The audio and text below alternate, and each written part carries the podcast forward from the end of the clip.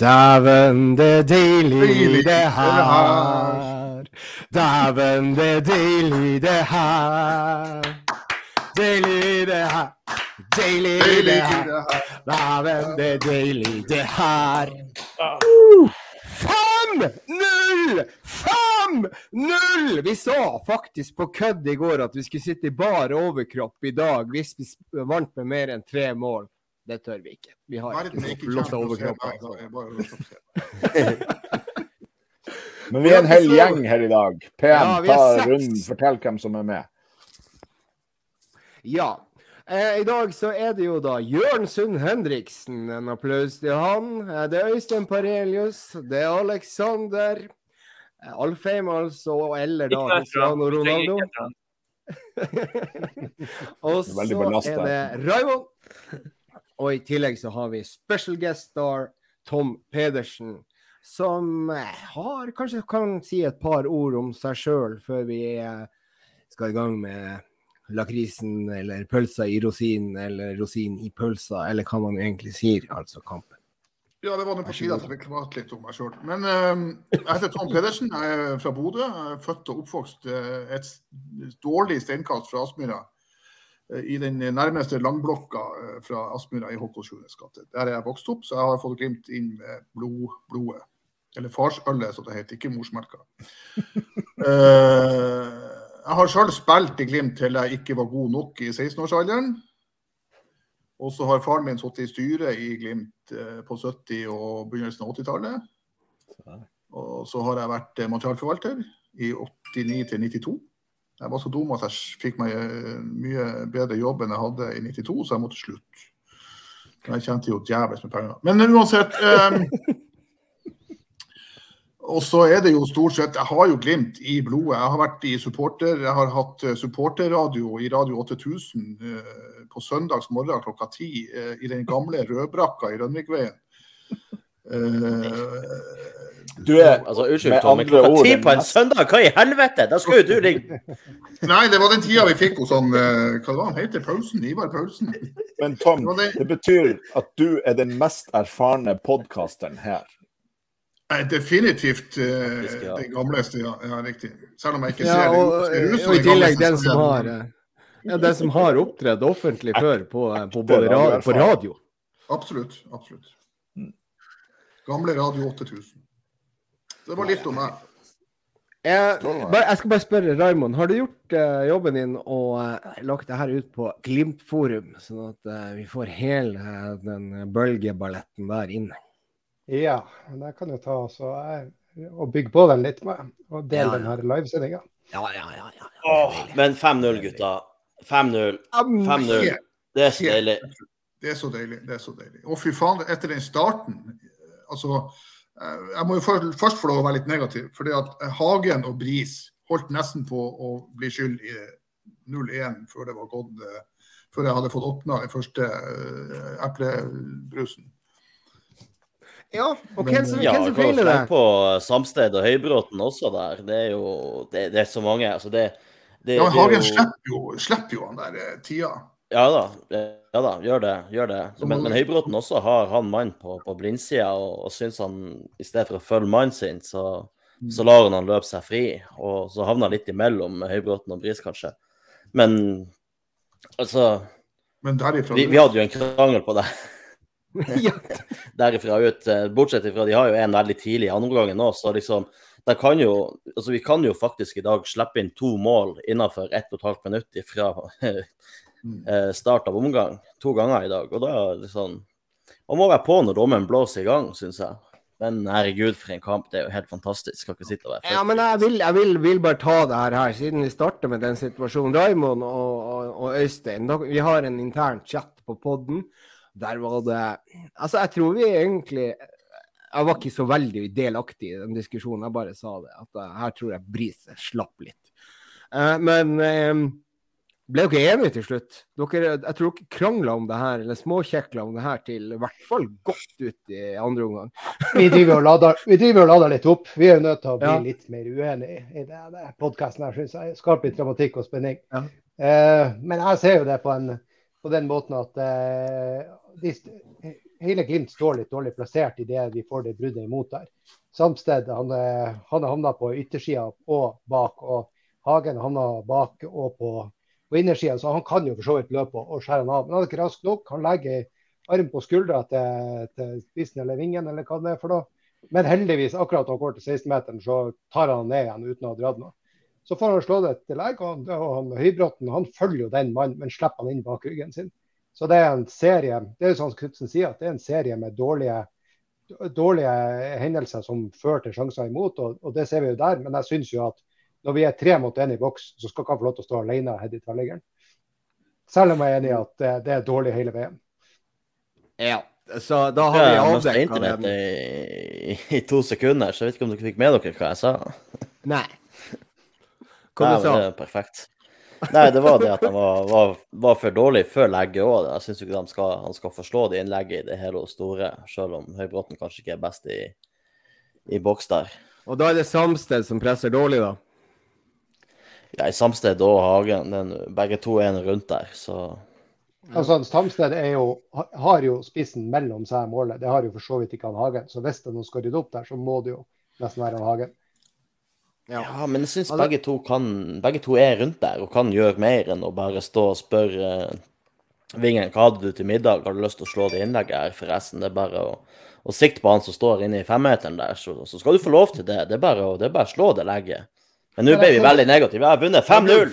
Vi har vunnet 5-0, og de diskuterer én sjanse imot. Det er fantastisk. Nå går vi inn i materie. Jo, men da, da, da hadde vi ligget under 0-1 etter ett minutt, og da hadde vi hatt en helt annen kamp. ikke sant? Det, det må være på stasjon når toget går. Men for å få hadde- det negative først, før vi eh, gleder oss resten av podden. Hva tenker dere om at altså han Brede Mo sier det sjøl etter kampen, at det er ikke overraskende at man får en strekk for han har fått trent så lite. Hvorfor blir han rusha inn i denne kampen og ta denne sjansen når Helstad Amundsen har gjort det så ekstremt bra? Var vi nervøse for at Helstad Amundsen ikke var god nok for den kampen her? Jeg kjenner, jo, jeg kjenner jo litt av mekanismen her, og den er sikkert ikke for å endre seg de siste 30 årene. Altså det, når en spiller er på tur tilbake i laget, så er det medisinske apparatet som har det hele og fulle ansvar. De spør spilleren er du klar. Spilleren skal da fortelle om han er klar eller ikke. Treneren har ingenting. Han bare spør det medisinske apparatet er han klar, og de svarer ja eller nei. Så det her ligger på det medisinske apparatet og Brede Mo sjøl. Og hvis han mener at han er klar, og nå er det jo at han hadde en betennelse i lysken, og nå fikk han en strekk i lysken. Det er jo to, det er jo to forskjellige ting. Mm. Så Det er jo sånn jeg tolker det, at han har sjøl sagt at han er klar. Nå så jeg det intervjuet eh, med Brede. Eh, jeg kan jo ta det først. og Det er jo ikke første gang det her skjer. At Brede kommer inn, må gå ut etter veldig kort tid. Eh, så, så det er jo Vi må jo ha lært litt. Altså Men nå fikk han en strekk. Og han sier det at den betennelsen i lysken i intervjuet med han etter, eh, etter, eh, etter kampen, så, skriver, så sier han det at betennelsen vil gå bort mens han venter på at den uh, lyskestrekken uh, forsvinner. Eller eventuelt at det var noe mekanisk der som gjorde at betennelsen forsvant idet han fikk strekk. Uh, det er ikke lege, men uh, jeg, jeg tolka det på, på en av de to måtene der. Men allikevel så vil jo da han være frisk når den strekken er lega. Det kan, det kan jo ta lang tid. Mm. Eh, vi kan jo snakke borti seks uker før en, en lyskestrekk har gitt seg. Han, eh, altså I de tre siste kampene Nå, nå har Glimt hatt tre seire på rad i Eliteserien. Tre siste kampene her, Totalt sett over de tre kampene her, så vil jeg påstå eh, Amundsen er den beste spilleren for Glimt. Totalt sett. Han har, han har Ja. uansett skade eller ikke dunka Brede Moe ut av laget, i mine øyne. Ja. Ja, for, altså, Brede Moe er solid. Han er sinnssykt trygg og god og har vært en av de beste i Europa. Men etter han ble kalt inn på landslaget, derifra ut, så har han hatt en dalende formkurve. Og Amundsen har bare hatt en stigende. Det ser vi i dag når han kommer inn. Al al altså han er jo, Noe av det første han gjør, er å, å holde på å sette ballen i, i mål. Så, og Flere ganger så er han med opp og, og eh, prøver å avslutte angrep. Og sånn. det, det er sånn dimensjoner på han at Hoftun er- blir en smågutt i forhold. Vi, vi kan ikke sammenligne han med. Hoftun lenger. Baresi. Ja. Det er han Baresi. Brønnøysunds Baresi. Ja, men det er. Jeg må, jeg må jo bare eh, slenge meg på Raymond der. Der er Amundsen er kommet for å bli. Han står ikke noe tilbake for noen av de andre stopperne. Men siden vi var inne på det negative der, så kan vi nå si det at jeg syns jo egentlig ikke Høybråten har en vanvittig kamp i dag. Han hadde en forferdelig start. Han hadde noen slørvete ja. pasninger og, og feiltreff som var helt eh, ja. Men for ja, det... et mål. Hæ? Ja, han fikk et mål. Et mål. Ja. Så, det, var, det var kanskje litt Han spiller seg stort opp. da. Han var jævlig dårlig de første 30. Og så var han god derifra ut. Det skal han ha. Ja, og så har du en annen som også fikk seg mål i starten, som har starta kampen ganske grusomt. Det var Pellegrino. Uh, han fikk til med to, hvis vi skal si det sånn. Uh, så, så det, var, det, var, litt merkelig. Og så har du en som spiller en sykt bra kamp, som ikke får seg mål. Som ikke forstår at de ikke får mål. Det er Muka. Altså Hadde, han, hadde Muka vært om bord i en båt i dag og ramla over bord, så hadde han faen ikke truffet vannet. Det er helt sikkert. Men eh, jeg og Øystein diskuterte det her i chatten, men eh, han, eh, Pellegrino han hadde jo skåra to mål før han hadde truffet på en pasning. Så ja, ikke sant, ja. det er bra. Jeg satt og var kokforbanna for han faen ikke fikk til en mannskitt som sier han gjør det. Han hadde skåra to mål. så det er jo perspektivet man har på ting, regner jeg med. Da. Men det, ja, så, så, er det jo det Gregers Jeg vet ikke om Nå forsvant vel den litt opp, den kommentaren, da, med, med med Hagen. Uh, altså, noen ganger Kan du sette den opp igjen? Klarer du vi å få den opp igjen, den kommentaren? Uh, Tommy Gregersen. Ja. Jeg var kjapp å lese, så det... Han var veldig kjapp. Uh, ja, der er den. Ja, han trakk seg ut i noen situasjoner og, der hvor han skal være først på ball. Ja. Det er utfordringa med Hagen. Det er rett og slett det her at han trekker seg fra dueller, løper ved siden av og uh, ja, det her er, det er for fislete sentralt. OK, greit, vi spiller mot et lag som har slått ut Malmö, men jeg skjønner svarten ikke. Hørne gjøkorna i Sverige, altså. Hva er det som skjer? Hvordan kan dere ryke mot det her laget her? Det går jo ikke an. Eh, Tom, hva er problemet til Hagen? Nei, altså Det er jo mentalt. Han tør ikke å, han tør ikke å trø til. Han, han, er ikke redd for føttene. eller noe sånt. Det er rett og slett at han, er, han blir for feig i de situasjonene der han skal trø til. Det er min eh, diagnose. Man kan jo si hva man vil om Hagen defensivt, men han får jo tidvis bra med rom i dag. Jeg syns han slår en del eh, progressive pasninger. Så, så, det er sånn Jeg syns man, man, må se altså For meg er Hagen egentlig er veldig todelt. derfra. Jeg syns han er veldig god offensivt, og så mangler han mye defensivt. Eh, det blir jo så synlig. Når Glimt har ballen i laget, så mener Hagen er en veldig god sentral midtbanespiller for Bodø-Glimt.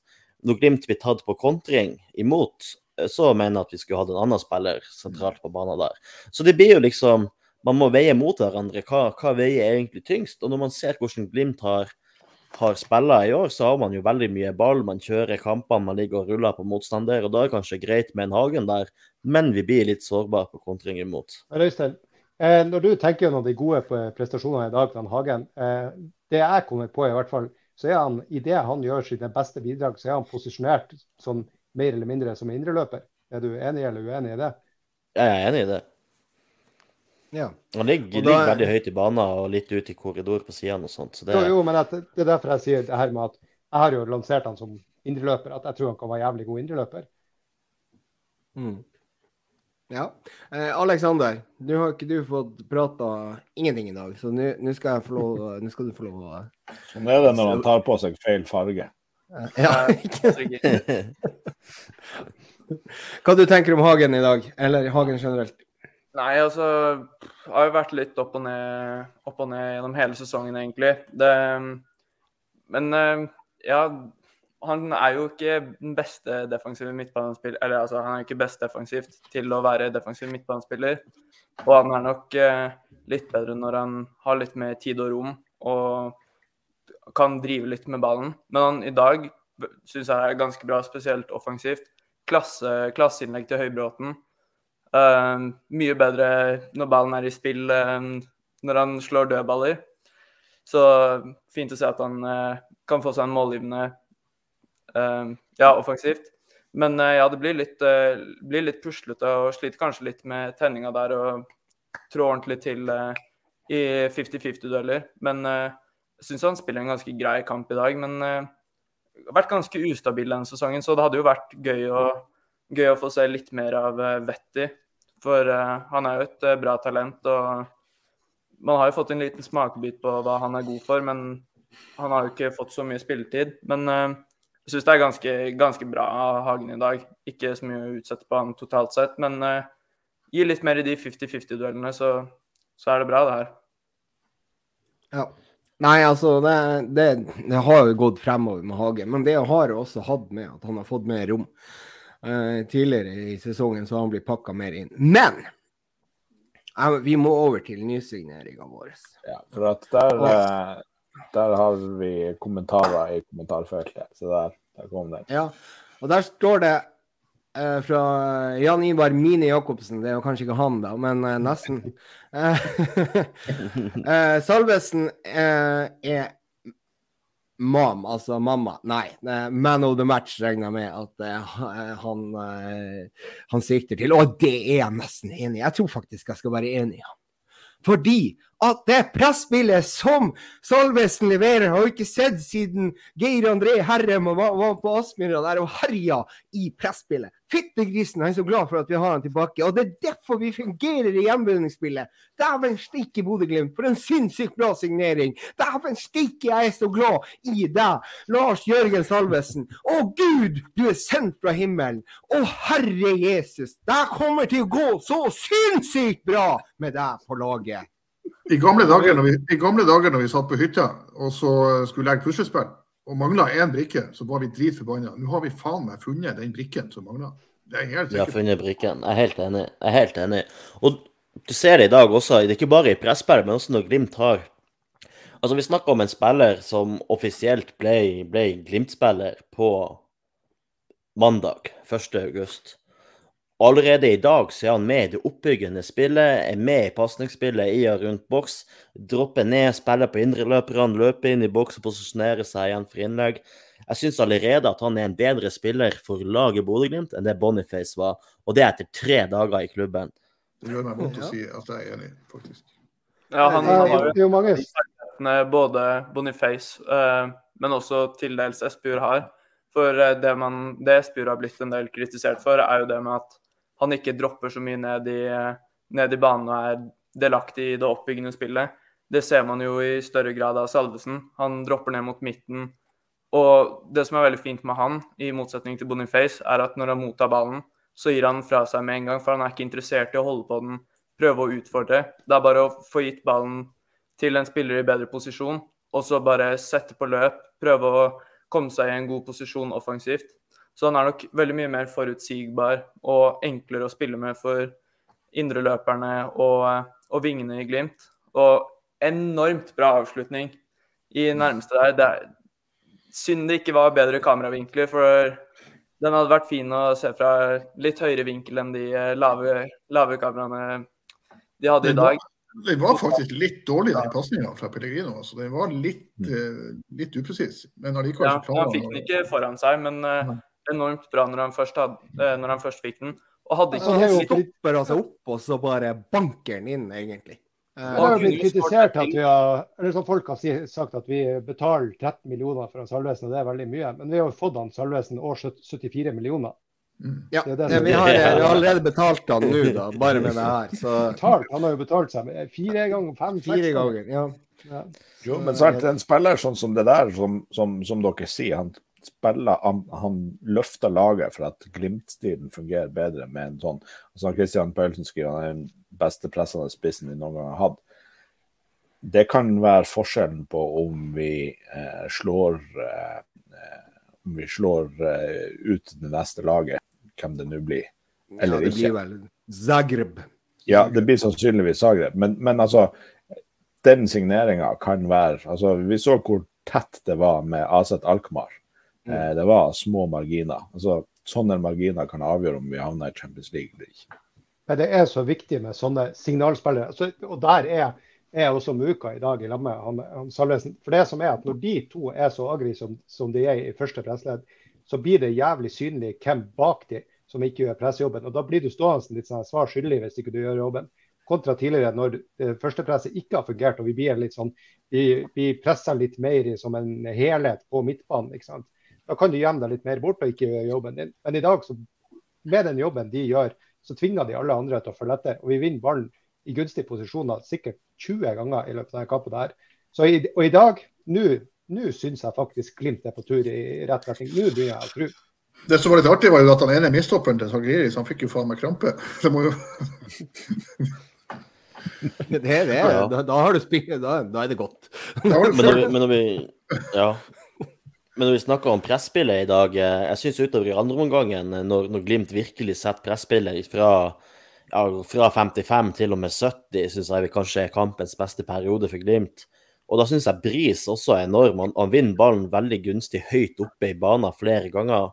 Eh, og det gjør jo at vi får brudd på de i gunstige posisjoner. Eh, så jeg har lyst til å trekke han også frem i presspillet. Jeg synes han han var, var enormt god ute på, på venstre, i, i den perioden i hvert fall, eh, til, til å stå oppe i lag med, med laget og vinne ballen. Ja, men der er jo Bri, Bris har jo sine vanlige problemer. Altså der at uh, den foten hans egentlig Altså, der Jo, er så lite som skal til! vunnet 5-0. Ja, men altså, det her er rom for forbedringer. Eh, hva du tror hvis den foten til Bris hadde kunnet slått en helt normal pasning? En, en ganske rett og fin pasning rett frem til Salvesen, til Pellegrino, til Saltnes. Så han har Altså, da hadde han vært verdens beste back. Hvis han hadde klart å gjort akkurat det der. Det kan jo være at han får til å gjøre det når han kommer på høyresida. For at uh, vi har jo en kompis der Ja, men han bruker er høyrefoten tidlig i pasninga. Ja, men likevel, fra feil side. Han har prøvd seg på høyre òg. Men han, er, han hadde vært verdens beste back hvis han hadde klart å få det til. Jeg tror han får det til. Det løsner. Det blir bra, Ja, men da, da, da sa jeg ikke noe negativt. Da sa jeg jo noe veldig positivt. Så det Det skal du ha, Per. Ja. jeg klarte å pakke det godt inn. Eh, hva dere eh, ellers, da? Er det noe, altså Muka. Hva dere tenker Altså- der? Jeg Jeg håper må bare si en ting om Muka. Ja. Sånn, når man en ting vi må altså Personlig så syns jeg vi bør roe litt ned på det her i Norge. Med en gang man får en spiller som leverer på et enormt høyt nivå, ser veldig god ut, så begynner man å tenke på hvor mye kan vi få for han. Han der Altså, hvor mye kan man få for han? Hvilken klubb kan han selges til? Hvor lenge får man beholde? Vi må bare nyte at vi har spillerne, og slutte å tenke på salg med en eneste gang. For altså, Eliteserien kommer jo aldri til å være Jeg tror ikke det er så mange som drømmer om å ende opp blant topplagene i Eliteserien, at det er taket på karrieren. Men hvis man begynner å prate om Eliteserien på en litt annen måte, gjøre det litt mer stas å være her, så ønsker kanskje de unge spillerne som etter hvert vil til utlandet, å ta ett eller to år til. Det er ikke sånn at med en gang man har spilt altså Hvor mange bra kamper har Mvuka nå? Mellom fem og ti? Det er ikke sånn at vi må begynne å snakke om at han skal til utlandet med en gang da. Det er ganske få bra kamper. Glimt trenger på ingen måte å selge. Han har lang kontrakt. Da må vi bare snakke om hvor bra kan han gjøre det i Glimt. Og om noen år, når han har levert tre-fire gode sesonger, blir 23-24, da kan man begynne å snakke om utlandet. Men vi må, ja, må bare slutte å tenke på Eliteserien, eller tenke på salg med en gang. Spillere leverer på et bra nivå. For da vil man jo bare selge med en gang. Det er jo ikke, det er ikke pengene vi tenker på når vi tenker på Glimt. Vi vil jo ha gode prestasjoner. Vi vil vinne trofeer, spille i Europa, vinne cupen.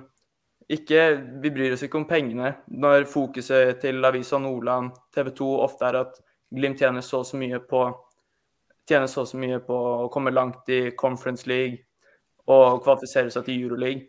Det er jo kampene i Euroleague, Conference League, potensielt Champions League vi bryr oss om. Ikke hvor mye penger klubben tjener. Så må vi slutte å ha det pengefokuset hele tiden, og heller fokusere på storkamper og, og at kan At de norske klubbene blir bedre og bedre. For da vil jo Eliteserien bli et mye bedre produkt. Flere tilskuere. Alt vil bli mye bedre. Så begynner å bli ganske lei det fokuset der. Veldig bra. Amen. Men du får eller? Jeg- Fryktelig enig med deg, Aleksander. Men det, det, det som er viktig her nå, det er jo det at, at uh, norske lag begynner å prestere i Europa. Ja. Uh, som vi ser nå. Ikke sant? Altså, Glimt uh, eh, Nå er vi jo hva, vi- Er vi sikra gruppespill i Europaligaen? Ja. Nei. Ja. Nei, altså Hvis vi vinner. neste kamp. Hvis vi vinner, ja. ja hvis, vi, hvis, vi, eh, hvis vi ikke taper 5-0, da. Eller 10-5. Men, men Eh, før vi, før, før Ja. vi hopper fra Muka, ja. eh, så må vi snakke litt om det at han brenner tre sjanser. Gigasjanser. Men, men jeg vil bare si det først at jeg syns ikke det er noe problem, for han prøver på de rette tingene. Han er bare litt Mm. for stressa i hodet. Det er litt eh, annet det enn, enn hvis du begynner å prøve på ei brasse på straffemerket og sånn her. Så jeg syns det der, det er, la det, la det skurre og gå. Det kommer. Ja, ja, men bare klapp på ryggen og prøv igjen. ja jeg Jo, synes det gjør det. jævlig... Ja, vær så god. Nei, kjør, Tom.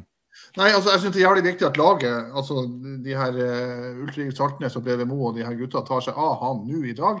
Fordi at det kan, være, det kan, det kan brenne seg inn i hodet på en ung uh, spiller hvis, det, hvis han får gå og, og tenke på dette her og, og sture på dette her. For det, det er ikke sunt. Så de bør ta en prat med han og liksom at det her er ikke noe problem. Det her er bare å gå videre med. Og, yes. Sluttproduktet kommer. Men det som Ja, er jeg, viktig på der, er at Mvuka har jo ikke vært i de situasjonene. Altså, det han leverer av målpoeng, er jo gjerne innlegg fra kant. Han har, De fleste skuddene hans kommer fra omtrent 16-meteren. Så han har jo ikke, han har ikke vært i de posisjonene hvor han kommer alene med keeper, får ballen på tilnærma blank kasse. Det viktigste og det positive her er jo at han nå er i de posisjonene, får den erfaringen, og nå, nå vet han hva som skal til når han kommer i de mulighetene. Så jo oftere han kommer i de, jo flere repetisjoner får han. Og da, da tror jeg vi kommer til å se at det kommer til å begynne å, begynne å altså han, At han kommer til å begynne å skåre når han kommer dit. For det har vært litt av problemet før. Altså At skuddene hans kommer fra utenfor 16. Det er jo vanskeligere å skåre derfra enn de mulighetene han får i dag. Så jo oftere han kommer i de farlige avslutningsposisjonene, jo bedre vil det være. Ja, jeg er helt enig. Og, eh, og Muka har jo tatt steg fra ikke komme til de sjansene til å komme til disse sjansene. Og neste steg er jo å begynne å sette de sjansene her. og Sånn sett, den kampen i dag Vuka gjør altså Du ser det steget han har, den, den rappheten han har i, i vendingene, temposkiftene. Det, det er høyt internasjonal klasse. Og, og det minner meg litt om eh, Det er mangel på sluttprodukt. Mangler meg litt om en Jens Petter Hauge i 2019. Vi så det fra tribuner etter at Lajoni ble solgt eh, til hvor i Guds navn han ble solgt. Egypt, eller hvor i faen. Um, han kom til mange muligheter, innleggsposisjoner, men det mangla litt på sluttproduktet. Og vi vet alle sammen hvordan det gikk året etterpå. Jeg bare legger han der. Vi hadde en spiller i, i Glimt på, på 90-tallet som skåra mål hver eneste jævla trening, men han skår, klarte aldri å skåre mål eh, når han spilte kamp. Til slutt så havna han på benken, og etterpå det så var han ikke god nok. Men han var en enormt stort spisstalent, et av de største Glimt har hatt. Men han, det var et eller annet sperre som gjorde at han ikke klarte å, å, fungere i kamp. Og det var jævlig synd. Men eh, den der sperra der, jeg håper ikke uke nå blir å gå og tenke på det, for da kommer den sperra. At det er noen som på en måte får han Men det er jo veldig greit at det kommer i en 5-0-kamp. Det er no, no, altså, ingen skader skjedd. Ja, og så er det jo er det jo sånn at Hvis han skårer hat trick i dag, så hadde i alle fall Alexander sine spådommer om hvor mange hundre millioner han skal selges for i det her vinduet. vært, Ja, hvor mange hundre millioner tror dere Nei da. Nei, det, det Men Tom, bra, han, eh, han Alexander. Nå, nå skal vi ikke snakke om salg. Men jeg jeg vil også si men, det Tom, som eh, Først, om som- den spissen eh, du snakka om på, på 90-tallet, var det han Diego Forlan? Nei. Nei. nei. For han fikk ikke kontrakt med Tromsø heller. Nei, Jeg, nei, snakker ikke om konservativspillere. Men, men du, eh, jeg, jeg skulle bare si en ting, eh, Øystein. At jeg er helt enig med deg med Jens Petter, men jeg syns at, at Muka i år er bedre enn Jens Petter var i to, på høsten 2019. Eh, Jens Petter hadde vel Han hadde vel sluttprodukt, men det var, det var mye rot der. Uh, og plutselig så smalt det ordentlig i, uh, eh, i forsesongen, som vi har snakka om tidligere på da, uh, som, som Stian nevnte. Så altså jeg, 2023, og eventuelt i høst, Det kommer til å bli Muka-show. Og da spør det, spørs det om han eh, ja, Vingen, som er kjøpt for 10 millioner kroner, hvor mye han får spill. Sjugel. Sjugel. Ja, Ja. det er jo mulig at uh, Altså, sånn som eh, Muka spiller nå, så er det jo ingen tvil om at han er mye bedre på høyrekanten. Men uh, det er vel mulig at de Altså, Pellegrino har bare en ettårskontrakt, og selv om han Altså, det var mye, mye rart, eh, spesielt i starten av dagens kamp, men eh, jeg tror ikke, jeg tror ikke man skal ha han med i fremtidsplanen, altså sånn tre-fire år fremover i tid. Så man skal ikke se bort ifra at uh, Mvuka vil bli prøvd litt mer på venstrekanten etter hvert, selv om jeg syns han per nå er enormt mye bedre på høyrevingen og vil helst at han skal fortsette å spille høyreving. Men Solbakken òg, han har jo spilt en del uh, høyreving nå, selv om han er venstrefota. Han, eh, Nå husker jeg ikke navnet, men eh, er, selv om han er venstrefota, så skal vi ikke se bort og har spilt høyreving, så skal vi ikke se bort ifra at de eventuelt prøver å bruke han på han på venstrevingen, sånn at man har to spillere som kan trekke ned mot dørlinja og fòre Sal Salvesen eller Espejord med innlegg. Ja. Og det, det er jo eh, Men, men la oss si Vi har kanskje Solbakken klar snart. Vi får uh, Sjogel inn. Uh, Sjogel Nei, jeg klarte jo ikke å si det igjen. Jeg hadde jo riktig uttalelse i går, men uh, Sjogel. Sjogel. Sjogel. Jeg klarte det nå etter eplesaft. så klarte jeg å si det. ja, eplesaft, det er godt. Eh, og, så, og så har du Muka, og så har du Pellegrino. Det er liksom de tre gode vingene vi har. Og så har vi de andre. Sørli, Komson Ja, det var dem. Eh, Tonekti. Eh, da kom jeg jo Hva, hva jeg kom til? Nei, du må jo- da. Ja, nei. Ja, men det blir jo altfor mange vinger her. Så det er jo klart at kanskje det er overgangstipset mitt om at det ryker ut to vinger i hvert fall, det, det kan stemme. Kanskje opp mot tre. Men er det et Er det- problem? Ja, det, det kommer jo så mange kamper nå. Altså, Ja. ja, det kan potensielt føre til litt misnøye, men de spillerne som er litt lengre bak i rekkene må da De må jo Altså, jeg tror ikke Komsung kan tenke Når han ser hva en vuka leverer kamp på kamp nå, jeg tror ikke han kan tenke på at hvorfor får ikke jeg spille? Jeg er bedre enn det der. Det vil jo, det vil jo bare mer konkurranse på trening. Spillerne får litt ekstra lyst til å vise seg frem. For de er jo profesjonelle fotballspillere. De vil spille kamper. Det er jo det de lever for. Så sånn som situasjonen til Glimt er nå, hvor det skal spilles så mange kamper, det kan komme en del skader, så er det heller for mange vinger enn for få. Og kan man Men må selge jo se litt på, må jo se litt på det fra spilleren sin perspektiv òg, tenker jeg. Eh, Ja. Knutsen rullerer lite. og Hvis du da begynner å bli seg femte-sjette valg, eh, selv om han Amundsen har visst at det går an å slå seg opp, da, men, men eh, sånn som Sørli og Komsun, som kanskje er på en veldig nedadgående trend i forhold til, til hvor langt fremme i køen er de, så, så tenker jeg jo de må jo komme til et punkt også der de har lyst til å spille fotball, ikke bare å trene. Ja, og når, når er det tid med å trene? For de får jo ikke trent. De, det er jo bare kamper. De, altså det er jo Dagen etterpå er det rehabilitering og, og, og lett trening, og så er det å forberede seg til kamp øh, dagen etterpå igjen, eller to om to dager. Så de får jo ikke, de, de får ikke, de får ikke eh, organisert skikkelig trening heller. Så når skal de spille seg inn på laget, liksom? Eh, Nei, det blir, Nei, det jo, det blir jo jo- da å holde Glimt 2 i, andre, i tredje, tredje divisjon. da. Det blir jo det som blir oppgaven til Konsum og Sørli. hvis de Men spiller de her noe på Glimt 2 ennå, så vet jeg. Nei, Jeg har ikke ikke sett ikke din lagoppstilling. Nei. Men uh, Lille Sjøvold og Nå sist så vant de jo. Ja, Ja, sånn. Sjøvold og Kvile spilte sist. Kvile, var mm. Mm. Nei da, men eh, Men, men eh, i, i forhold til altså Vi startet, vi har snakka mye om det. Vi har ikke starta denne sesongen helt sånn som vi ønska. Eh, men hvis vi ser utviklinga de siste kampene som har vært veldig bra, så er det jo særlig eh, Eller kanskje bare den siste kampen for den siste spilleren, men altså Amundsen i forsvar, Vukas i utvikling på kanten, og nå Salvesen som spiss. Altså, det gir jo en litt annen følelse rundt det her laget og, og tanker og følelser og ambisjoner for resten av sesongen enn vi hadde for en måneds tid siden. Jeg syns Vetlesen må nevnes der, for jeg synes, Men- han er en av de spillerne ja, jeg syns har vært best eh, de siste fem- fem-seks kampene. Han Ja, jeg men han, har, han vet vi jo hva har i seg. Men vi, vi har fått tre nye tilskudd, på en måte. Og så har vi. Altså, jeg kommer ikke unna det. Vi vi har savna det i hele år. At, at en av midtstopperne kan ta med seg ballen, gå gjennom ledd eller slå pasning imellom ledd. Og, jeg bare sier det, Isak. Jeg syns Beresi er fundamental i det at vi har nå snudd det og vunnet tre på rad i serien, videre i Europa. Og jeg syns jo i dag han kommer inn og gjør enda en enorm og jeg, jeg tror det blir vanskeligere for han Brede enn det han Brede ønsker kanskje, å spille seg inn igjen på laget. Han kommer jo inn og tar kommandoen. Han kommer jo rett og slett inn og er sjef i Midtforsvaret. Det er jo det han gjør.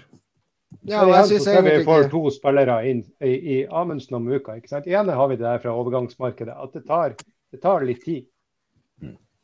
Ja. Spillere som kanskje ikke har sett så, så brennhete ut, og så går det halvannet år, og så bare så er de der. Men det er derfor spillerne ikke må være så Altså Som vi snakka om med vingene nå, at ja, ok, vi har kanskje litt for mange. Det er derfor De må være tålmodige. altså Det har vært utlån på Amundsen. Han har ikke fått sjansen, han har sittet en del på benk. Og nå mener vi at han kanskje er den beste midtstopperen vi har. Han bør være fast. Mvuka i fjor så ganske sjanseløs ut. Så, så som så ut nå i starten av sesongen. Bak Sørli i køen på høyreving. Bak Solbakken i køen. Og nå er, mener alle at han bør spille fast. Han leverer veldig bra. Og snakkes om som et av de største talentene i, i serien, så må få satse på at flere, flere av spillerne i troppen kan ha litt samme utvikling. At ja, OK, vi får ikke spille på et halvt år, ett år, men når de først får mulighet Alexander, er vil jeg utfordre deg. Jeg vil utfordre deg litt der, Alexander. Jeg, jeg er jo helt enig i tankegangen din. Men sånn i forhold til hvordan, hvordan skal vi vite for Vi kan jo ikke ha den tålmodigheten med alle. Da vil vi jo få en stall på 50 mann ganske fort. Eh, Så, så hvordan skal man egentlig vite hvem man skal tørre å gi, gi eh, tid? Hvem man skal være tålmodig med? Nei, altså Først og fremst så må man jo vite at det er et grunnleggende talent. At en spiller som Når, har, når man har sett på toppnivå at de er gode nok, de føler man kan forsvare en plass i stallen. Men sånn som nå, Tonekti har jo altså Det er litt hendelser utenfor banen. At han har ønsket seg bort og vist seg å være litt umoden. At han nå har kommet litt krypende tilbake. Han er ikke noe jeg tenker at han, han må vi beholde og satse på, uansett hvor stort talent han er. For han Altså, han syns jeg ikke har gjort seg fortjent til å skulle fortsette for Glimt. Sånn som utviklingen til Sørli har vært nå, så mener jeg Altså, jeg hadde ikke hatt noe problem med å sende han til HamKam i bytte med Eriksen, og at Glimt også hadde betalt et mellomlegg. Men han er absolutt ingen dårlig spiller å ha i troppen.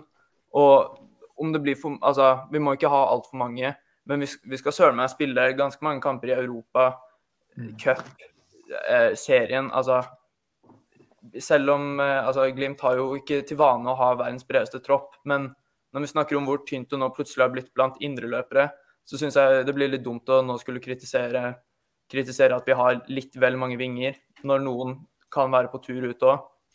Så ja, vi må ikke hamstre vinger, men eh, det må ikke være sånn at med en gang man har ganske bra bredde, så må vi begynne å tenke defensivt, og at det kan bli misnøye i troppen, og at spillerne blir misfornøyde og vil bort. Det, ja, det, vi, har, vi, har, vi har per nå syv vinger i troppen. Eh, hvis vi ser på alderen på dem, da, eh, så er jo Tonekti han er jo enda ung og frisk. Eh, Hva han er 21? 20? 21. Ja, det er kanskje 20, ja. Og så, og så har du Sondre Sørli som fyller, fyller 27 nå i høst. Eh, og Konsum fyller 28 nå i høst. Der er ikke så veldig mye talent, sånn sett. Det er ikke så veldig mye å hente der. Og en ving på 28, da er du like gammel som Laioni, og da begynner de farta og skrante litt. Du til, det, det er litt mer utfordrende å få utvikling da, når du er i den alderen som både Sørli og Konsum er i. Og da er det jo også denne perioden her, i din fotballkarriere, så skal du jo spille fast. Um, og da tror jeg det er like greit at i hvert fall de her toene her eh, får seg et lag der hvor de kan spille. Eh, og det blir ikke i Glimt. For de kommer ikke til å spille noe i, i Glimt. Det er Glimt 2 de må spille på hvis de skal gjøre det. For foran dem på, på eh, startelven så er det mye bedre spillere og mye yngre spillere også. Men nå mister vi jo antageligvis altså Nå skal ikke jeg forsvare verken kvaliteten på Sørli eller Komson, Men jeg var veldig fornøyd da vi henta Komsom, for han, jeg tror han kom gratis fordi han ble kjøpt ut fra Tyrkia. Han var i hvert fall ikke noe dyr spiller å hente inn, bortsett fra en eventuell kontrakt. Veldig glad vi henta han som stallfyll. Solbakken nå er på tur ut, og jeg tror Glimt ønsker å få ut Tonekti. Så enn så lenge så har jeg ikke noe problem med at man beholder Komson og Sørli, for i utgangspunktet så leverer de på et greit eliteserienivå. Nå har de ikke gjort det i år, men i utgangspunktet så tror jeg de har det nivået inne. Men frem til man får henta noen etablerte eliteseriespillere, så vil jeg ikke bare ha sendt de ut fordi de er i en alder hvor de i utgangspunktet burde ha spilt fast. Fordi det er det som er best for karrieren deres. Det viktigste her er jo å tenke på Glimt og Glimts behov. Mister man Solbakken og en eller annen ving blir skada, så vil jeg heller ha Komson og Sørli tilgjengelig enn å ikke ha de, fordi de er litt for gamle og ikke kan utvikles til å bli veldig, veldig gode. Øystein. Ja, nå skal ikke jeg, nå skal ikke jeg fyre meg opp her, men vi har vunnet 5-0 i Q3 Champions League. Og det eneste vi sitter og prater om, er hvilke spillere som ikke er gode nok! Faen, se nå på superlaget vi har på banen! Ta nå litt av, vær nå litt entusiastisk. Vi har rævpult et lag fra Litauen. Ta nå og vær litt blid. Sånn. Men Hva det syns du om, eh. Hva syns om eh, sammenhengen mellom underlag og hodedueller, Øystein? Ja, det er det dummeste jeg noen gang har hørt. Fordi at underlaget har jo ikke noe å si på hvordan ballen går i lufta. Så har du lyst til å få en spiller som er to meter høy og, og er god på headinga, så slår du lange, lange baller, og så får han bare stå der og heade. Ja, men altså, jeg synes vi, vi som supportere har jo lov til å ta litt mer av. Vi har lov til Ja, vi må det. Vi har lov til å ha litt sånn hurrastemning i studio, ikke sant? Og vi starta litt med deilig. Det her men jo faen sittet som i en begravelse. Ja, nå har vi, nå har vi egentlig vi har virkelig, vi, Vi har sittet og pirka på småfeil, ikke sant. Og ja, det er greit nok, det var småfeil. Muka bomma, ikke sant. Hagen og Samsted for dårlig press. Marius slipper mannen sin i boks. Men vi vinner 5-0, altså. Det er jo piss! Ingen som bryr seg om det når kampen er ferdig. Ja, nei, og, og der, er, der er det er jeg helt enig med deg, Øystein. Vi kan bare komme oss inn i et lite hjørne der der det var mørkt og trist. Å, der skal vi ikke være. Uh, Rævpult av et, la, et lag som Malmö ikke klarte å score på. Så go, Ja, Øystein. og, det- og det Kim så jeg også på, på Twitter. Eh, Ravna, Klars vår til Ravn, eh, sitter og ser kampen i reprise nå. Han har sikkert vært frivillig på landsskytterstevnet, som har vært eh, i HV-tjeneste nå i ukes tid. Og han sier det etter 26 minutter. Stian Høgland sier dette er altså et Sagiris-lag som har sluppet inn ett mål så langt i Europa i sommer og høst. Vi putta fem på de, og så sitter vi og diskuterer hvordan spillere som ikke er gode nok, hvem som skal ut. Litt sånn pikkpjakk ikke sant, i løpet av 90 minutter. Så det er vi faen meg, det er en fantastisk fotballkamp.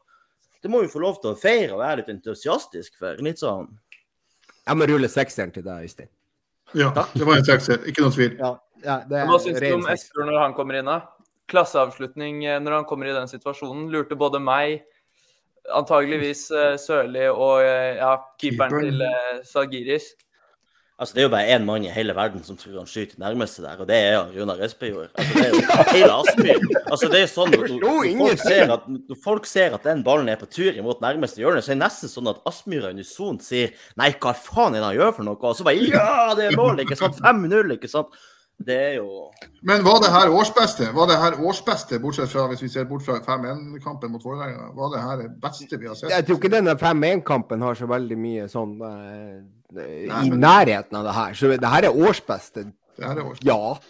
Absolutt. Det Ja, og det er noe, og det er noe å bygge videre på. Altså, det, det var som jeg sa i stad, at nå syns jeg det er lett å se positivt på det som skjer fremover i, i serien nå. Eh, altså, nå føler jeg for alvor at eh, altså, vi har eh, klart den offensive gjenvinninga.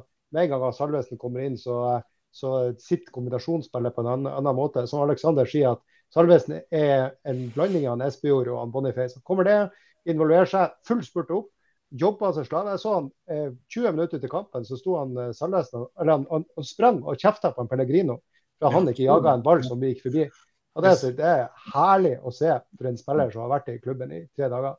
Så, eh, du, så for å ta opp tråden, sted. nå har jeg faen meg trua på, på gull. Eh, Nå har jeg fått det. Og på lørdagen skal vi spille mot favorittlaget til alle engelsktalende personer i Norge, nemlig Odd. at I, I feel odds. Nei da. Men, eh, men det er jo så deilig å se at For at vi har jo sittet nå både, egentlig både på, på fredagen, eh, på lørdagen og i går også sagt Salvesen er plug and play. Han kommer til å bli knallbra i Bodø-Glimt. Og da er det jo så deilig at vi får rett. Det er så deilig at Salvesen bare går inn og viser at han er akkurat så knusegod som vi trodde han skulle være. Nei, fy faen. Det er, det er innertier når vi har Det snakka om landsskytterstevne. Det er innertier. Det er Jeg hater- landsskytterstevne. Jeg hater Det er å være AG3. en sånn der hva sa jeg-type, men hva sa jeg? Det er, det er som Salvesen er som AG3. Det er bare plug and play. Det er veldig kvalitetsvåpen. Fantastisk. Uh, skal vi se her. Uh, jeg skulle bare si det at uh, Jeg. Jeg syns ikke han Salvesen Ja. heller så sliten ut han ble bytta ut. Nei. er det, Det er sjukt. men, men det der Espejord sitt mål Han kunne, kunne han ha gått inn i mål med den ballen? Keeper ser jo helt ute ut. Altså, han skjønner ikke hva som skjer idet han avslutter. Jeg, jeg, Det sier ikke- ikke- på. Jeg satt og så på han Sørli, jeg òg, og så plutselig var ballen i mål. Så, ja, okay. Keeper så jo så på han Sørli, ja. Så, ja. Men det er, jo, det er jo veldig positivt. Nå har man jo vært ganske kritisk til Espejord. Nå har han kommet inn som innbytter i to kamper eh, på rad i eh, kvalifiseringen til Champions League, og har i løpet av veldig få minutter levert Tre mål. Og er vel, altså siden han kom til Glimt, er, kan ikke være veldig langt unna tosifra antall skåringer. Er vel oppe i kanskje syv, åtte, ni. Det, altså, til, å, til at det er så mye negativ omtale, så skal man ikke kimse av det. For en spiller som i fjor skårte null mål på, null mål på 17 kamper. Men jeg tror, Salve, jeg tror Salvesen er en type som drar med seg andre, og jeg tror han kan dra med seg Espejord opp på det nivået vi ønsker å ha han også. Ja, om de, eh, altså, om de kan pushe hverandre på trening, så vil jo det bare gagne både, altså, gagne både uh, herregud, Espejord og, um, og Salvesen til å, til å bli enda bedre enn å Litt brain freeze. Men uh, ja, det, og det var vakkert å se når Mbuka missa på en av de sjansene han burde ha skåret på. Hvordan Salvesen var rett borte, borte hos han og fikk han til å løfte hodet og, og begynne å tenke på hva som skjer videre i kampen her. At det var en bom. Åtte på Espejord. Det spiller ingen rolle. Ja. Det- Åtte mål på Espejord så langt. Men, men dere, eh, eh, etter den famøse kampen mot Linfield, så har vi 20 mål, har skåra 20 mål. Vi har sluppet inn ett. Ja, det er for dårlig. Du Vi var kvitt oss med noen vinger. Jeg tror dere, tror dere at eh, kampen kunne ha sett annerledes ut hvis vi ikke har fått den straffa? For jeg tror ikke vi har fått den straffa der uten VAR. Nei, Nei, det det hadde vi ikke fått. Dommeren, eh, dommeren eh, brukte jo, eller vinka spillet videre og mente at det ikke var straff i det hele tatt. og Han måtte jo se på situasjonen litt vel mange ganger, spør du meg. For den, den bør man se med en gang at det er straffe. For eh, ja, Pellegrino blir jo dratt i skulderen og mister jo balansen totalt på en ball han antageligvis hadde kommet frem på. Så Ja, hvorfor, hvorfor får, får ikke eh, han rødt? Nei, det, De sa vel det kommentatorene at du skal ha kontroll på ballen. da. Mm. Ja, men hvor mindre Altså, der er det jo åpenbart at Pellegrino Ballen går forbi keeper. Pellegrino hadde jo på hodet på den der. Eh, eller er det da en viss sjanse for at det ikke kunne skjedd? Er det derfor han ikke dømmer rødt? Ja, det er vel det. Jeg tenker at eh, i den Ja, de, de var soleklare kommentatorene på at det skulle være rødt, men jeg levde greit med at det ble gult.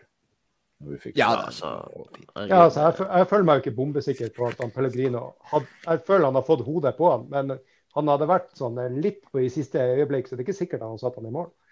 Ja, Det OK, greit nok, greit. jeg. Skal jeg gi meg på den, da. Men vi vant 5-0. Må ikke glemme det! Og så er det jo Hvordan- da eh, spørsmål fra salen. Ja, kjør, kjør. Jørgen uh, Følvik uh, spør jo Men nå som vi er så godt som klar for uh, Europaligaen uh, hvordan storlag kan vi møte der? Eh, det vet jeg nå i hvert fall ett lag vi kan møte, og det er Manchester United. Sa Jeg har eh, Jeg har eh, Nei, nei nå snakker vi om storlag, eh, PM. Jeg har, jeg har Det var noen som la ut en liste på det i går, men, men den er jo basert på at det laget med, med best rangering eller flest koeffisientpoeng vinner de rundene som, som er igjen av, av, av kvalifiseringene. Og, og hvis vi ser i, i pott 1, da, eller pott 1 og pott 2, som er de to, de to gruppene med, med høyest seeding, så er det jo United, Roma, Arsenal, Lazio, eh, Olympiakos, Feyenoord. Eh, Eidhoven kan vi møte, Gent, Monaco. Vi kan eh, møte Real Sociedad. Eh, der er vel Sørloth eller Ranselt, det er jeg usikker. Eh, Karabakh, Partisan og Malmö. Eh, mens vi vil være på, på tredjeplass eller tredje sida da. I, Malmö? Malmö? ja, hvis Malmö vinner Ja. sin Neste kamp. så er de i gruppespillet i Europa League eller playoff. Ja, jeg sa, jeg sa hvis Det her er på at de lagene med høyest rankingpoeng vinner de kampene som er igjen i kvalifiseringene sine. Så, så vi er lavere enn Dynamo Zagreb, så da sier de at da går Glimt ned til Europa League. Men eh, det, det er noen kule lag her, så du kan jo f.eks. Jeg er dritlei Roma, ikke noe Roma. Orker Ja, jeg, jeg- jeg, jeg, det er kjedelig med, med, med Roma igjen, men, men se for dere f.eks. Eh, Arsenal, eh, Monaco, Bodø-Glimt, og så kan vi kan hive på St. Gulois, så møter vi eh, Boniface i gruppespillet i eh, Europa League. Det, Jeg, jeg, eh, jeg skal gå med på at det er sannsynlig at vi kommer til å spille i Europa League i år. For jeg tror ikke vi klarer bedre enn tredjeplass i gruppespillet i Champions League. Oh. Så eh, noen av de her lagene vil vi nok møte. Men jeg, jeg, jeg, som eh, Øyvind Mytting skriver, Roma er jo der. Jeg kjenner egentlig at jeg nesten blir litt emosjonelt utslitt hver gang jeg hører om det laget. Så jeg vil gjerne Ja, unngå jeg, jeg blir Jeg var Går i mer, kjelleren. mot, eh, eh, mer mot Roma i siste enn å spille mot Junkeren, er det ikke det? Jo, faktisk. Det blir bli kjedelig. Old news. Jeg blir utbredt på av å snakke om Roma. Ikke snakk om Roma. Kutt! Kan, kan, kan jeg spørre dere et spørsmål? Hvordan tror dere nå kampen kommer til å se ut? Altså Returoppgjøret, eh, 5-0, de må jo prøve, men det ser jo, eh, det ser jo ekstremt vanskelig ut. Kommer de til å ha, kommer de til å ha moral innen kampen overhodet? Jeg tror de kommer til å starte relativt aggressivt, men har de ikke skåret ett eller to i løpet, av, i løpet av 20 minutter, så tror jeg de kommer til å, kommer til å roe litt ned. Og basert på bildene etter kampen hvor de var borte og takka fansen, så virka de ganske, ganske nedbrutt og som en slagen gjeng. Så om det, altså nå har ikke jeg satt meg inn i situasjonen deres i hjemlige liga, men har de noen viktige kamper der, så, så skal du ikke se bort Eller så tenker jeg at det er naturlig om de retter fokuset mot det. Jeg tror, Stian, jeg tror Stian sa at de hadde fått utsatt noen hjemmekamper, tror jeg. Eller noe Mm. veldig De har fått utsatt flere kamper. Jeg, De hadde men jeg utsatt tror de fire ligger bra kamper. Ja. Mm. Eh, Men jeg, jeg ja, det tenker her det er blir, sånn. det blir spennende hvordan Glimt møter opp. For at Mm, eh, Nå håper jo jeg at de er kommet dit at eh, de ikke lenger går på sånn eh, bortesmeller som de har gjort. At de ikke er mentalt til stede. At det har skjedd noe med gruppa. At vi er tilbake på 2020-nivå sånn mentalt sett. At alle kamper skal vinnes, og selv om du leder 3-0, så skal du fortsette å, å, å score og sånn. Um, så det er jo en av de tingene jeg vil se etter i, i bortekampen. Om de virkelig fra start ønsker å vinne den der kampen totalt, selv om Men- de leder 5-0. Tror vi de kommer til å stille med toppa lag? For altså, nå virker kampprogrammet i august litt roligere enn det har vært i perioder nå. Men ville det ikke vært naturlig om man kan gi spillere som Hugo, Mvuka og eh, ja, Pellegrino, som har spilt, spilt en del nå i år, om man eh, kan rullere litt på det? For personlig så ville jeg ikke Hadde ikke blitt sur om jeg så at Anders Konradsen fikk eh, starte fremfor Ulrik, som altså kanskje er litt småskada, eller Hugo, så at man får gitt muligheten til, til noen andre. For altså, jeg vil ikke konkludere med at Glimt er videre og er sikra Europaligaen, men eh, jeg vil ikke, altså, det ville ikke vært unaturlig å rullere litt i laget, i hvert fall. Den Vuka vil jeg gjerne ha i det bakrommet som kommer til å bli. Så han tror jeg må spille. Ja. Men eh, Øystein, du hadde noe på Jar. Ja, men vi kan jo også minne om at Glimt i fjor, eh, før det dro seg til i europaspillet, lå åtte poeng bak Molde. Og det var først når vi begynte å spille to kamper hver uke at maskineriet virkelig rulla, og det var lite rullering i fjor. Laget fikk satsa.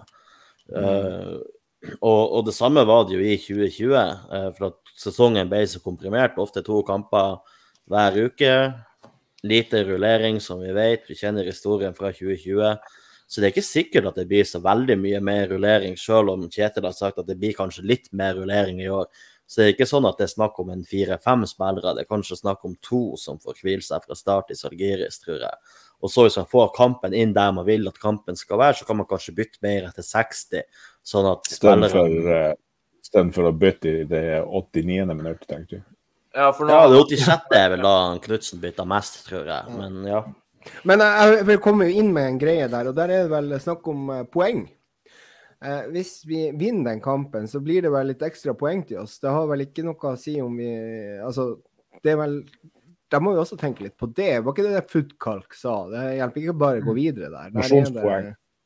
Ja. Så det er jo eh, Det har jo også noe med det som er viktig da i forhold til uh, å få den norske liga bedre. Å komme oss høyere opp, og at flere lag kan uh, bidra med i Europa.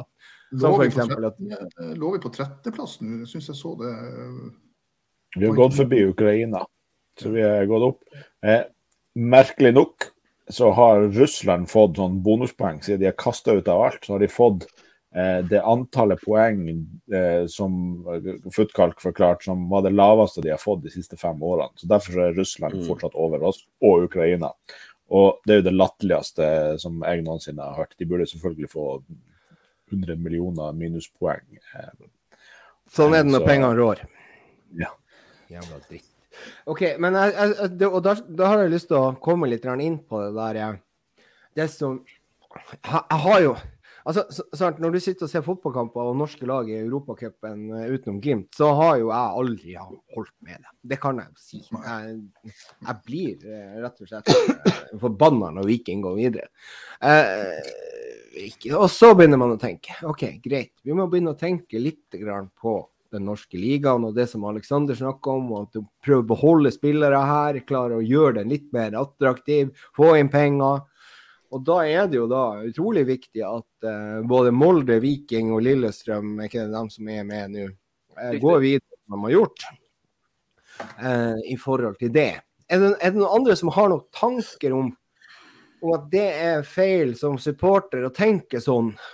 for det, det er jo mange som, som gjør det. Og jeg vet ikke helt sjøl hvor jeg er, men Nei, jeg òg sliter litt mellom ja. der at jeg håper Molde Lillestrøm og Viking skal tape, fordi det er småting med alle klubbene som irriterer meg. Og det, jeg syns det var sykt gøy i fjor at vi som Glimt-supportere kunne reise rundt og spille borte i Roma og se Glimt slå ut Celtic, Alkmaar, møte Roma igjen, uten at noen andre i Norge kunne ha samme gleden. Men eh, det vil jo også gjøre veien til Europa mye kortere om Altså om man får norske lag som etter hvert kanskje klarer å hevde seg i Champions League, selv om det blir vanskeligere og vanskeligere med tanke på pengene der i fotball. Men at veien til direkte gruppespill i nå Conference League, Euroleague og Champions League blir kortere, det vil jo bare gagne alle. Om Glimt ikke skulle vinne ligaen, men fortsatt har en vei til Champions League eller Euroleague, så, så ser jo jeg på det som veldig positivt for Glimt. Men jeg blir ikke veldig lei meg om andre norske klubber ryker. Men om de går videre, så klarer jeg å se det positive ved det. òg. men jeg sitter ikke og heier på verken ja. Lillestrøm, Molde eller Viking. Det er vel mitt sted der. Både jeg og du Alexander, vi bor jo midt i Lillestrøm-land. Uh, og jeg har ikke noe spesielt mye til overs for Lillestrøm. Og det er jo fra 70-tallet, selvfølgelig. Det, uh, vi var jo ikke glad i Tom Lund, og vi var heller ikke glad i Ivar Hoff og de gutta der. Men uh, det er klart at jeg har jo et par kollegaer som jobber i, eller som holder med Lillestrøm. og heller litt til at Lillestrøm det er jo ikke så, for så vidt så ille at de går videre. Men Molde, nei. Og Viking, nei. Nei, det er nok de to klubbene jeg har minst til overs for. Uh, Molde vet vel alle at har noen uh, ting, på, ting, på, seg som de uh, kanskje burde Eller som de burde ha vært foruten. Men, og Viking pga. en spillestil jeg ikke setter stor pris på, og småting som irriterer meg der. Men jeg har jo absolutt ikke noe mot at Lillestrøm eventuelt kommer seg til eh, Conference League. Men jeg synes vi, ja, jeg synes vi, vi i norsk fotball bør jo Jeg syns vi skal jobbe med oss sjøl og, og tenke litt et større bilde. For det er jo liksom, Kunne vi tenkt oss at eh, Glimt kunne tilhøre en bedre og større liga og eh, ja, altså, mer utfordringer i hverdagen og, og bedre kamper og mer folk på, på stadion. Og, eh, for det er, jo, det er jo konsekvensen er at hvis Norge gjør det bedre i Europa som en helhet, så vil vi kan lokke bedre spillere hit. Det blir høyere nivå, det blir mer penger. Vi kan holde lenger på spillerne før de går til utlandet. Vi kan konkurrere med andre ligaer som nå ligger litt over oss på både i lønn og i sportslige utfordringer. Så, så jeg, jeg prøver å jobbe med meg sjøl, i hvert fall. Sånn at, at det blir sånn at jeg prøver å, å liksom bite litt i meg og, og tenke at det beste, det beste for Glimt er jo om ligaen blir så bra som mulig. Så lenge så, men så vil jeg jo selvfølgelig at Glimt skal være på toppen av den pyramiden, selvfølgelig. Det er jo noe jeg har Ja. Og det er det, det, er jo det som er liksom utfordrende, da, når du er eh, La oss si at eh, Lillestrøm og Viking eh, og eh, Hva var det siste laget? Molde. Ja, Molde har jo så mye penger uansett, så der er det jo ikke noe sjanse. Altså, altså, OK, greit. Molde er jo viktig at de spiller Europa nå, for da begynner de å rullere og styre og ordne ikke sant, og ta på poeng i serien. Det er faktisk litt viktig, og det er egentlig den pengesekken der. Den er også så full av røkkepenger at, eh, og andre penger at eh, det har ikke noe betydning. Men når du kommer til Lillestrøm, hvis de begynner å få penger, og de bor på Østlandet, ikke sant, de holder til på Østlandet, så vil de også kunne konkurrere med Glimt, med Rosenborg og Molde om de samme spillerne, og da blir det mer fight der. Det er Altså, da tenker jeg kun på Glimt. Eh, det samme med Viking. Viking er en stor klubb. ikke sant? Der er masse folk som bor i Stavanger. De har en god tilskuertilstrømning osv. Så, videre. så hvis, vi, hvis de begynner å få penger, ikke sant? så begynner vi å få en ganske knall, altså, knallharde konkurrenter oppe i toppen. Eh, det er jo noe som som, som skjærer i meg som, som supporter når jeg skal begynne å tenke sånn som Raymond. Eh, og eh, jeg kan Jeg Men- klarer ikke. Jeg klarer ikke å Vi må nok eh, tro på oss sjøl. Ja. Altså, vi, vi, vi utkonkurrerte de her klubbene når vi var nedre halvdel økonomisk. Eh, så klarte vi å komme oss eh, forbi de. Eh, og nå, nå virker det jo at vi har bygd et fundament som gjør at vi ikke skal tilbake dit eh, på, på ganske lang tid. Eh, og så eh, er det jo sånn at vi må jo anta at i løpet av de neste årene så, så vil det være en eller annen sesong der vi sklir på et bananskall og kanskje detter ned på en andreplass. Og Da er det jo hyggelig hvis vi kan delta i Champions League-kvalifisering da også. Nei, det er nettopp det. Ja. Jeg, jeg, må bare ta Nå er, det- nå er din tur. jeg, jeg, må, jeg må bare ta en fra, fra VG her, eh, en artikkel. eh. Returoppgjøret i Vilnius om seks dager blir trolig en ren parademarsj etter at Bodø-Glimt høvla over litauerne som om det var Roma som var på besøk. Så også Jonas Grønner på Twitter skriver 'Hele Norges Bodø-Glimt'. Så eh, det er deilig å være Glimt-supporter for tida. Jonas Grønner, jeg, har sansen for han egentlig. Det var han som hadde det pauseintervjuet. Prøv, prøv sjøl. ja. Den er fin. Du må låne skoene mine. Mm. Men, eh, men, men når det var tilbake igjen til Lillestrøm, så var jo, har jo de vært ute i Europa og reist. og Selvfølgelig skal de ekte supporterne fra Lillestrøm, dere kjenner til dem. Eh, Nå har jo det var litt varmt der, så de har jo bare overkropp også. De var litt frank, men de eh, har jo selvfølgelig ikke klart å oppføre seg igjen. Og da har vel, eh, sånn som jeg forstår det, kor korriger meg hvis det er feil, har, de har, Uefa har bøtelagt dem med 500 000 kroner. I tillegg så blir de trua med å ikke få lov å ha tilskuere på kamp, både borte og hjemme, eller Bare neste bortekamp. Neste bortekamp. Mm. Helt fantastisk. Endelig er det noen som tar tak i det drittet der. Du må faen meg begynne å oppføre seg, de folkene. Vet du, det er, jeg er så drita lei det der eh, Der hvor man skal liksom tøye reglene hele tiden, være så tøff og eh, rett og slett drite seg ut på bortebane mot Seinojokki fra Finland. Altså, Nå må dere skjerpe dere. Og så, og så skylder man på Uefa. Ja, ja, greit nok. Uefa gjør mye rart, men det er nå faen meg dere også. Herregud og fader, for en skam. Uff. Ja. Øde, Ødemar Øde, Øde, Øde Hva hva heter han?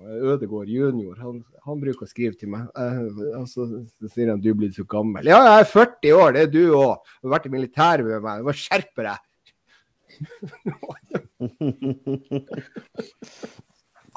Yes, men uh, vi har uh, Vi har jo en gjest. Ja, Ja. Har vi det? Tom. Å ja. ja. Og du skal, det kan vi, vi kan, eh, det kan vi si allerede nå. Det, det er ikke siste gangen du er med. Vi har tenkt, når, Nå har det vært veldig mange podder eh, i det siste for at Glimt spiller så mange kamper og skårer så mange mål. og Når vi skal gå gjennom alle målene og alle spillerne som gjør det bra, og sånt, det tar det så lang tid. Eh, så vi, skal, vi kommer tilbake med en dedikert spesialepisode, eller flere, der vi går gjennom noen, noen tiår med Glimt-historie og, og, og ting du har opplevd. Eh, men eh, det, un, det kan vi jo også komme litt inn på nå. Jeg vet ikke om du har noen spesielle hendelser som, som eh, du har eh, lyst til å løfte fram? Jeg har jo en sønn som er på, på J-feltet, og som i dag eh, er i Gdansk i Polen og reiser videre til Vilnius på tirsdag. Altså, han er jo så dedikert supporter. Han er jo vokst opp i garderoben til, til Glimt. Han, eh, jeg hadde han jo med meg. Hei, Andreas. Andreas, ja. Um, jeg hadde han jo med meg i garderoben i sånn trille, trillevogn. Uh, og da var det jo sånn at du, jeg kunne ha han med meg på benken. altså Han sto jo i trillevogna ved siden av benken når det var kamp og sånn. og Eh, vi hadde jo vi hadde i hvert fall to stykker i i A-laget da, som var skikkelig sånn der. altså Drillo sa jo en gang at ethvert lag trenger å ha én klovn i garderoben. Hos han var det jo Mini. Hos oss var det Totte, Tor Arne Aga og Lars Helbostad. Altså, der var det skikkelig humor på de to. Uh, så var det et eller annet jeg skulle hente i garderoben. eh, og eh, når jeg kom ut, så ser jeg Andreas eh, krabba utover mot sidelinja. Han komme seg løs fra denne trillevogna. Og da roper Lars Herpostad 'dommer, bytte!' ja Andreas eh, debuterte på Glimt i alder av Ja, da var han ett og et halvt år eller noe ett og et halvt. Det er akkurat da vi bruker å oppdage spillere, Jørn. Ja, det er da du oppdaga Pellegrino. Det er Ja, ja. veldig bra. Så, eh, Hvis det er noen som har hørt det. ja.